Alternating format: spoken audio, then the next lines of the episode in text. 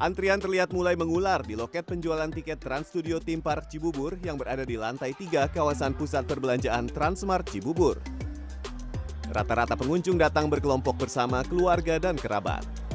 Trans Studio Theme Park Cibubur menyiapkan 19 wahana permainan dan atraksi bagi anak dan dewasa.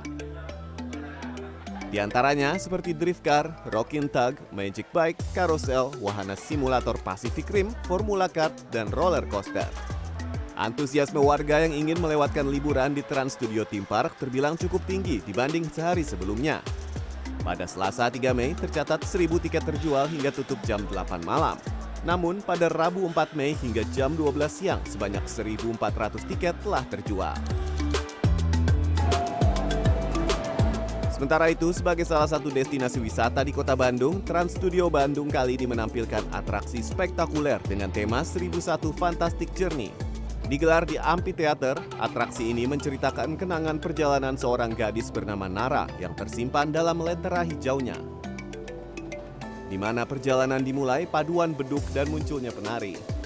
Ada pula pertunjukan akrobatik yang dengan terampilnya pasangan ini bergelantungan di udara. Tidak kalah seru, tarian sambil memainkan api yang dipadukan atraksi melintasi lingkaran api yang membuat Anda berdebar. Para pengunjung pun sangat antusias dengan atraksi ini. Mereka mengaku takut dan membuat jantung berdebar.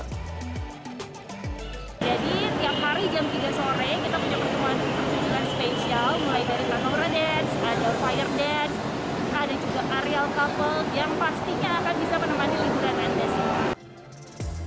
Pertunjukan 1001 Fantastic Journey ini berlangsung dari 1 sampai 16 Mei mendatang. Dan bagi Anda yang penasaran, bisa langsung menonton gelaran ini di Trans Studio Bandung. Karena tidak hanya itu saja, ada 20 wahana lain yang akan mengisi pengalaman pada liburan lebaran Anda bersama keluarga. Perlu diketahui, Trans Studio memiliki perusahaan induk yang sama dengan CNN Indonesia. Tim Liputan CNN Indonesia.